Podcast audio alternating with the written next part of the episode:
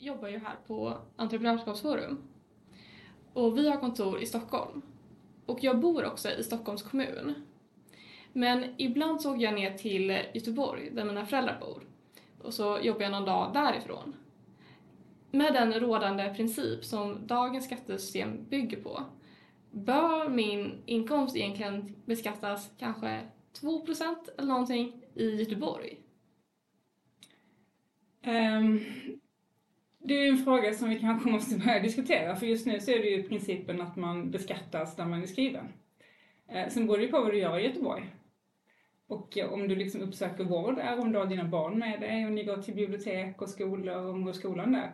Det beror lite grann på liksom var man då är en kostnad. För det är ju så att vi har ett väldigt så här, decentraliserat system i Sverige. Så att kommunerna har stort ansvar för vår offentliga välfärd. Och då måste man finansiera den på något sätt. Och då är tanken då att den kommunala skatten ska stå för det. Och om man då bor på ett annat ställe än man jobbar så kan det uppstå liksom problem då. Det ska vi prata om i dagens avsnitt.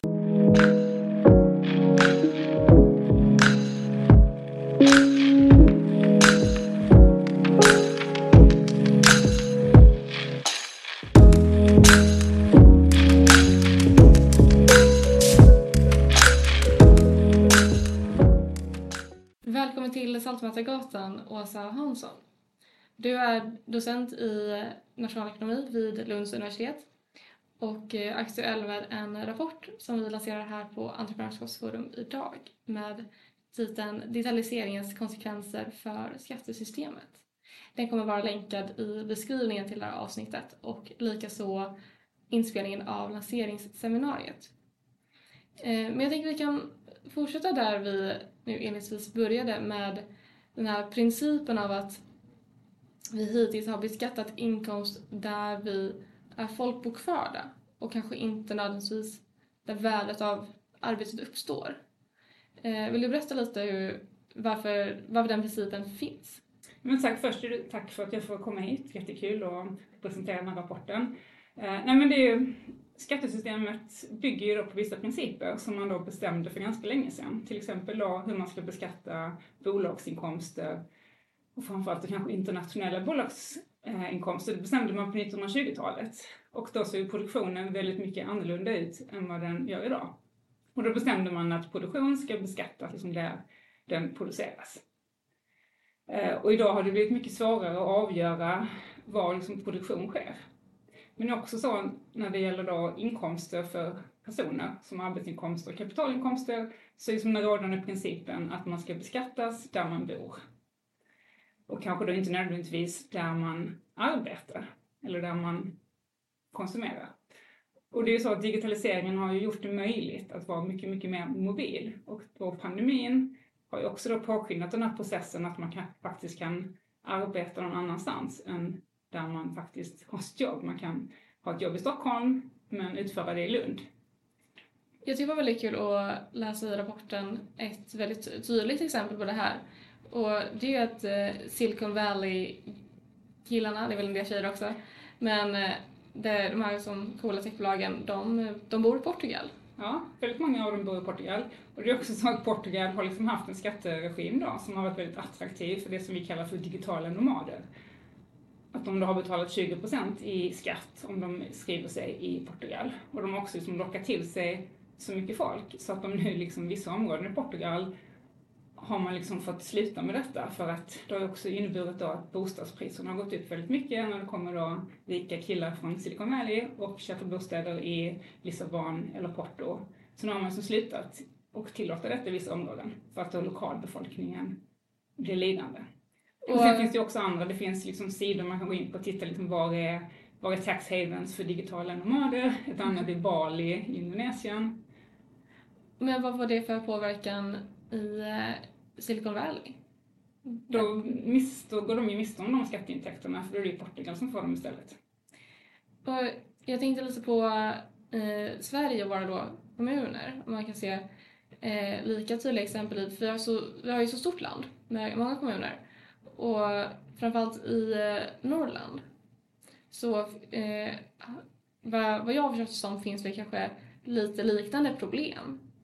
Att man eh, att vi flyttar mer produktion till vissa kommuner men eh, de får inte nödvändigtvis en större skattebas. Nej, alltså nu är det också lite problem, ställer det lite grann på sin spets med den här utvecklingen som sker i norra Sverige med Northvolt och all, all liksom energiproduktion som ska ske där. Eh, men det är ju så att vi har ett system där varje kommun då i princip ska vara liksom självfinansierad och stå för väldigt mycket av vården och omsorgen. Ehm, och det är också då väldigt stora skillnader i skattebas, det vill säga liksom den inkomst man har till exempel då i Danderyd, Lidingö, Stockholm, så tenderar man att tjäna mer än vad man gör i Dorotea eller i norra Sverige eller andra små kommuner. Och då får man liksom en mindre skattebas och då måste man också höja skattesatsen så alltså att man har högre skattesats. Så till exempel i Dorotea kommun, som är den kommun i Sverige som har högst kommunalskatt, är den 36. Och den kommun som har lägst är Österåker kommun, som då har 29 procent, så det är 6 procentenheter skillnad i skattesats mellan den som har högst och den som har lägst. Och då skulle man kunna tänka sig att man, om man nu tjänar ganska mycket, att det gör skillnad. Och vi vet också från forskning att um, det spelar roll var man bosätter sig, skattesatsen, men också vad man får tillbaka av den offentliga sektorn. För det är också så att Dorotea får ju svårare att finansiera sin verksamhet eftersom de får in, med in, de får in mindre skatteintäkter än en rik kommun. Just det. Den andra delen som eh, din rapport verkligen berör är organiseringen av arbete mellan människor och maskiner. Ja. Eh, och under våren här nu så blev ju folk helt eh, AI-tokiga. En del blev väldigt rädda och en del blev supertaggade. Mhm. Eh, du skriver att eh, man, ingenting tyder på att en massa arbetslöshet står för dörren. Men om vi ändå har haft arbete som utgångspunkt för vår skattebas hittills och eh, arbets och produktionen då förskjuts lite till, eh, till en maskin, hur, hur påverkar det skattebasen? Men det kommer också påverka, för det är ju så att vi tar ut väldigt mycket skatt på arbetsinkomster. Och vi har mycket lägre skattesatser på kapitalinkomster, så kommer det bli en förskjutning, vilket det sannolikt kommer bli, från arbete till kapital, så kommer vi ju få mindre skatteintäkter.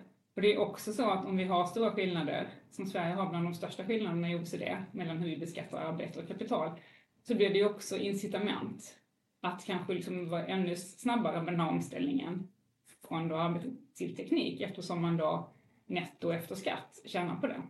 Och jag ska eh, jag kan poängtera där att vi som eh, har läst någon form av eh, redovisning vet att teknik och maskiner är ju kapital. Exakt, precis. Så att det beskattas som kapital. Och till exempel då arbetsinkomst i Sverige beskattas ju liksom till 55 procent medan då om du kapital är liksom den generella satsen 30 procent. Men också väldigt många nedsättningar på olika typer av kapital. En väg att gå där, om man skulle se sin liksom, nya AI-kollega som en, men som en, eh, som en arbetare. Sk- Skulle, ska man börja beskatta den som en chatt-GPT som en, som en kollega? Som en, som en människa. Ja. Det finns ju vissa som har förespråkat det, att man också ska då lägga på sociala avgifter.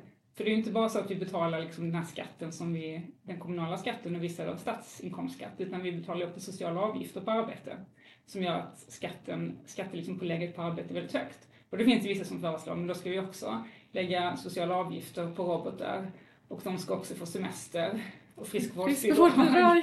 Och, eh, men det är ju liksom absurt. Eh, det, det kommer inte hända, tror jag inte.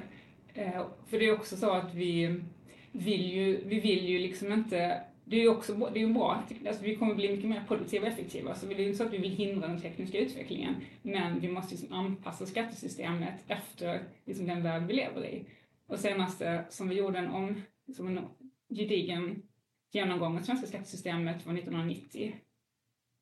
Eh, vi Det var inte med i EU. Det är liksom väldigt, väldigt länge sedan. Det var nog ingen som ens kunde tänka sig att vi skulle vara där vi är idag när det gäller teknik, men också hur världen har öppnat sig. Så att vi måste ju kanske istället för att hindra den tekniska utvecklingen och hindra liksom vad som händer i ekonomin och världen, så kanske vi istället- måste anpassa skattesystemet efter den verkligheten vi lever i.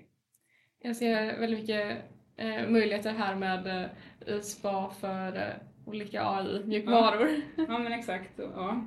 Eh, nej men och, sen är det ju också så att vi i Sverige har en ganska sammanpressad lönestruktur och ganska höga skatter på just låga arbetsinkomster. Vilket gör att det kanske finns en risk att just låga inkomster, alltså låglönejobb, att det är de som kanske blir ersätts av teknik. För att de kostar då relativt sett ganska mycket. Eh, så det just det svenska skattesystemet är konstruerat på ett sätt som, som gör att jag tror att det är extra känsligt kanske för den här digitala strukturomvandlingen. Eh, jag, jag spånade här lite på om ett nystartat mjukvarubolag idag eh, och som säljer till andra företag, skulle de behöva anställa färre människor än vad ett lika, likadant bolag hade anställt för 15 år sedan? Eh, behöver man som färre mänskliga, eh, mänskliga arbetare? Ja, alltså, äh, men sen är det också så att vi har... Ledande fråga. Ja, men det, Såklart. Att de, och det är så, det är, om man tittar liksom på hur samhället ser ut idag, om man jämför när jag var liten, så är det ju fortfarande så redan nu att det är färre arbetare. Till exempel när man går och handlar, om man går till banken, Just det. så det är, ju, det är nästan svårt att hitta någon som jobbar på banken och få hjälp. Och samma när man går till en affär. Ja. Så har det ju mycket liksom automatiserats. Så att det, är väl, det är väl sannolikt att så är fallet. Men det är också så att det skapas ju nya jobb. Det finns ju nya jobb idag som inte fanns när jag växte upp. Och det finns, så det är ju inte så liksom att det är statiskt, utan vi kommer kanske kunna göra andra saker, som att det är brist kanske på personal inom vården och då kanske det inte handlar om att man ska städa utan det kanske snarare handlar om att man ska sitta och fika och prata. Ett jobb som ger liksom andra mervärden. För jag tänkte på, som du sa, att eh, eh det blir ju det blir betydligt dyrare att ha mänskliga anställda jämfört med att liksom, outsourca till eh, mjukvaror eh, som då beskattas som kapital. Att, hur påverkar det konkurrensen om vi då har, vi kanske fortfarande har företag som kanske har som varit med längre och då, med, då också har mer som relativt eh, höga lönekostnader än eh, ett som nystartar som kan växa ganska fort för man outsourcar till andra typer av, eh, ja, typer av arbetare. Det är lite utanför din rapport, men jag tänkte om du hade någon tanke om den konkurrenssituationen ja. som. Precis. Sen finns det ju andra då, som jag skulle säga idag då, så kanske man har en nackdel som ett litet nytt, nystartat företag jämfört med ett stort företag eftersom man då har lägre kapitalkostnader om du är etablerad och går med vinst. Så det finns liksom redan idag kanske då en orättvisa och då skulle man kunna tänka sig att delvis kanske den rättas till då. Men det är klart att det blir, det blir ju, eftersom vi har sådana stora skillnader i hur vi beskattar kapital och arbete, så kommer det ju påverka då hur då företag som behöver ha anställda. Sen går det också på vem de konkurrerar med och hur det ser ut i andra länder. För det är ju också så att Sverige är ju inte liksom en isolerad ö. Och är det så att andra företag då i andra delar av världen har mindre, mindre arbetskraft så kan det ju då göra så att Sverige blir utkonkurrerad. Men där är ju Sverige också ganska snabb med att uh, anamma teknik. Så att um, det kan ju också vara så att Sverige vinner på det i längden. Men att vi då också måste kanske liksom anamma och uh, ändra liksom strukturen och skattesystemet. Och du lyfter ju upp att uh, det är ingen bra idé att gå mot någon form av robotbeskattning, att det, det hindrar ju innovation och utveckling. Men du lyfter upp konsumtion som en stabil skattebas. Mm. Ja. Eh, nu är det så att liksom, allt blir mer mobilt med digitaliseringen. Det är också så att vi konsumerar ju inte i Sverige längre utan vi konsumerar väldigt mycket liksom, från andra länder väldigt enkelt. Eh, men sen finns det ju då, vi har ju en, en, en moms då i Sverige som är 25 procent, den generella satsen. Så då har vi också nedsättning av skattesatsen på väldigt många områden som livsmedel och transporter och hotell och restaurangbesök. De har en lägre skattesats. Och just den typen av konsumtion är ju bunden till Sverige. Så mitt liksom, förslag i den här rapporten är att man skulle ha en, en, samma skattesats, samma momssats på all konsumtion. Och då skulle den höjas då på konsumtion som konsumeras i Sverige. Eh, och det är också liksom den bredaste skattebasen vi har. Så konsumtion, det är ju då både arbetsinkomster, kapitalinkomster, men också inkomster som vi kanske då har tjänat liksom på illegal väg eller svarta marknaden eller inte skatteredovisar.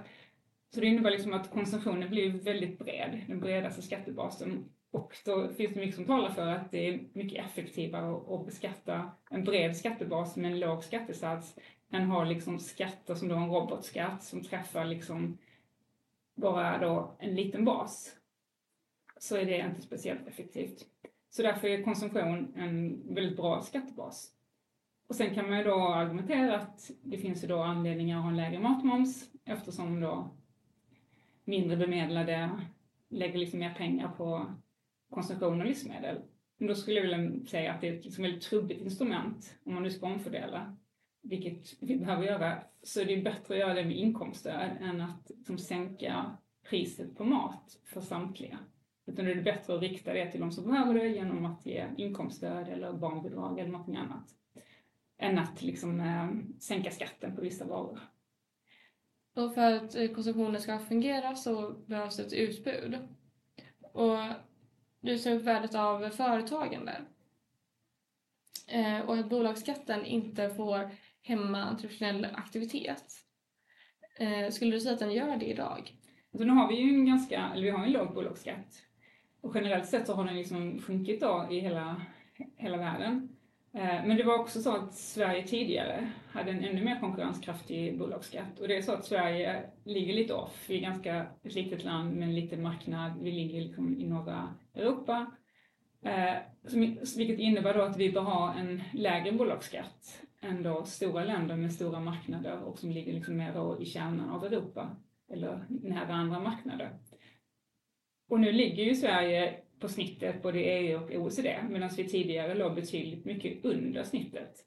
Så jag skulle säga att vi har liksom tappat konkurrensfördelar där och att vi då behöver ligga lite under. Och nu sker det ju också väldigt mycket samarbete. Nu kommer det den här globala minimumskatten på 15 procent så att vi har lite grann tappat kanske liksom också självbestämmandet över vissa skatter som då till exempel bolagsskatten. Och det är också, okay. ja, och det är ju lite grann beroende på att världen inte längre är liksom isolerade öar i länder, Nej. utan vi lever i en global värld. Och då kan man ju fråga sig, liksom, är det hållbart att ha liksom en nationell beskattning?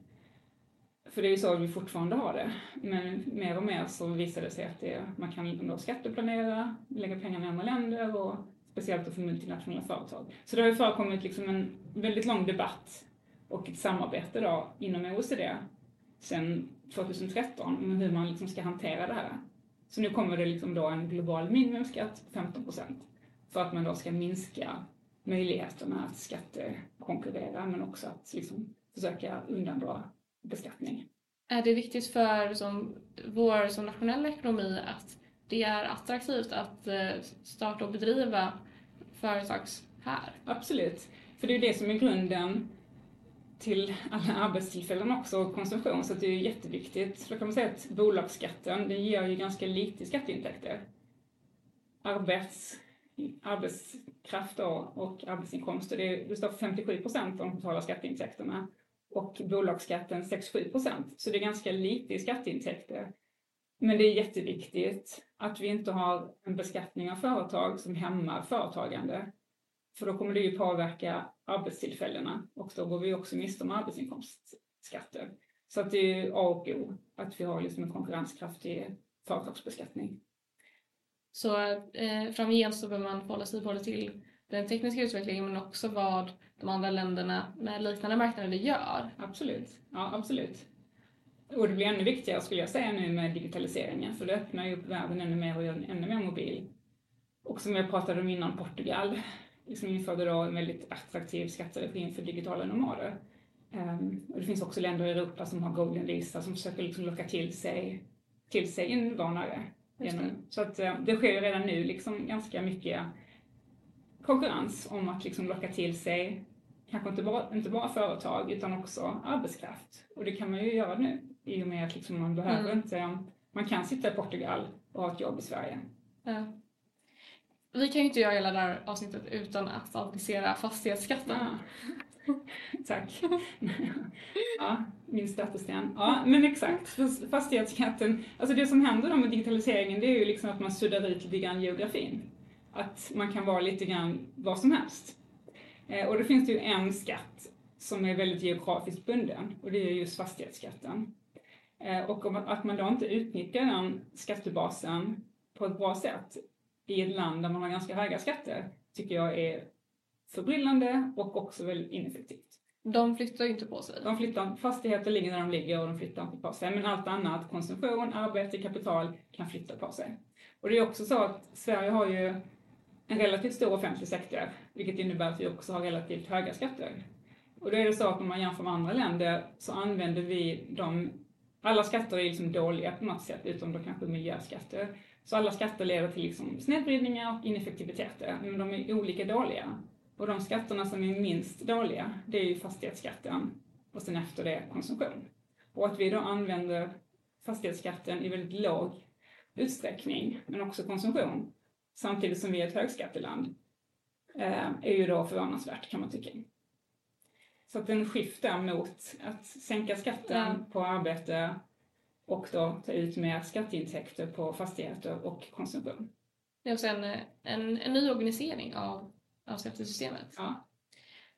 Jag, jag tycker det var intressant att läsa rapporten just för att den diskuterar skatter som, som inte har en ideologisk eh, utgångspunkt utan, utan ur ett effektiviseringsförhållningssätt. Eh, ett eh, väldigt liksom, om en tekniskt och eh, eh, holistiskt angrepp av hela skattesystemet.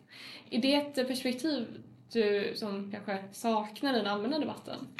Ja, alltså nu är det så skatter, det är ju politiskt, det bestäms ju liksom i en politisk kontext. En väldigt politisk fråga. Ja, och, och så ska det ju vara, för det är ju liksom, det är väldigt viktigt att skatter är effektiva, men det är också väldigt viktigt att de är legitima. Och att det är liksom upp till då väljarna och skattebetalarna att ytterst liksom avgöra vad som är legitimt. Så det är klart att det ska liksom vara en politisk process. Sen kan jag ibland tycka liksom att eh, det är väldigt komplexa frågor. Eh, och att man kanske inte riktigt liksom förstår att om man eh, sänker en skatt så måste man höja en annan skatt. Det är klart att liksom alla skattesänkningar är väldigt lätta att införa. Så när vi sänkte fastighetsskatten då och införde en kommunal fastighetsavgift så var det ju en enkel reform för att alla kände liksom att alla vinner på det eller ingen förlorar på det. Men det är ju inte fallet, utan det innebär ju då att vi måste höja någon annan skatt. Och då kan man tycka att de som då drabbades av det borde ju då protestera. Men jag tror inte liksom att man ser liksom sammanhangen riktigt, att det är liksom komplexa frågor. Eh, så att, eh, och det ska ju vara en politisk, en politisk eh, liksom diskussion. Men samtidigt så önskar man ju då att väljarna är liksom välinformerade och vet, skattesystemet är jättekomplext, vi vet att folk inte vet hur mycket de betalar i skatt och har liksom inte full insyn i hur systemet ser ut. Eh, och det kan man inte heller förvänta sig att man ska veta. Eh, så därför tycker jag kanske att politikerna borde också se lite mer till effektivitet och liksom utveckling, för det påverkar ju konkur svensk konkurrenskraft och liksom kakan i ekonomin, hur mycket vi kan producera och få liksom vårt välstånd. Så det är liksom viktigt att skattesystemet är utformat på ett bra sätt. Och vi vet också att skatter påverkar beteende. Att eh, eh, om det nu liksom, som i Norge när man återinför liksom förmögenhetsskatt så flyttar liksom de mest förmögna människorna ut från, ut från Norge. Så det, det, får liksom effekter.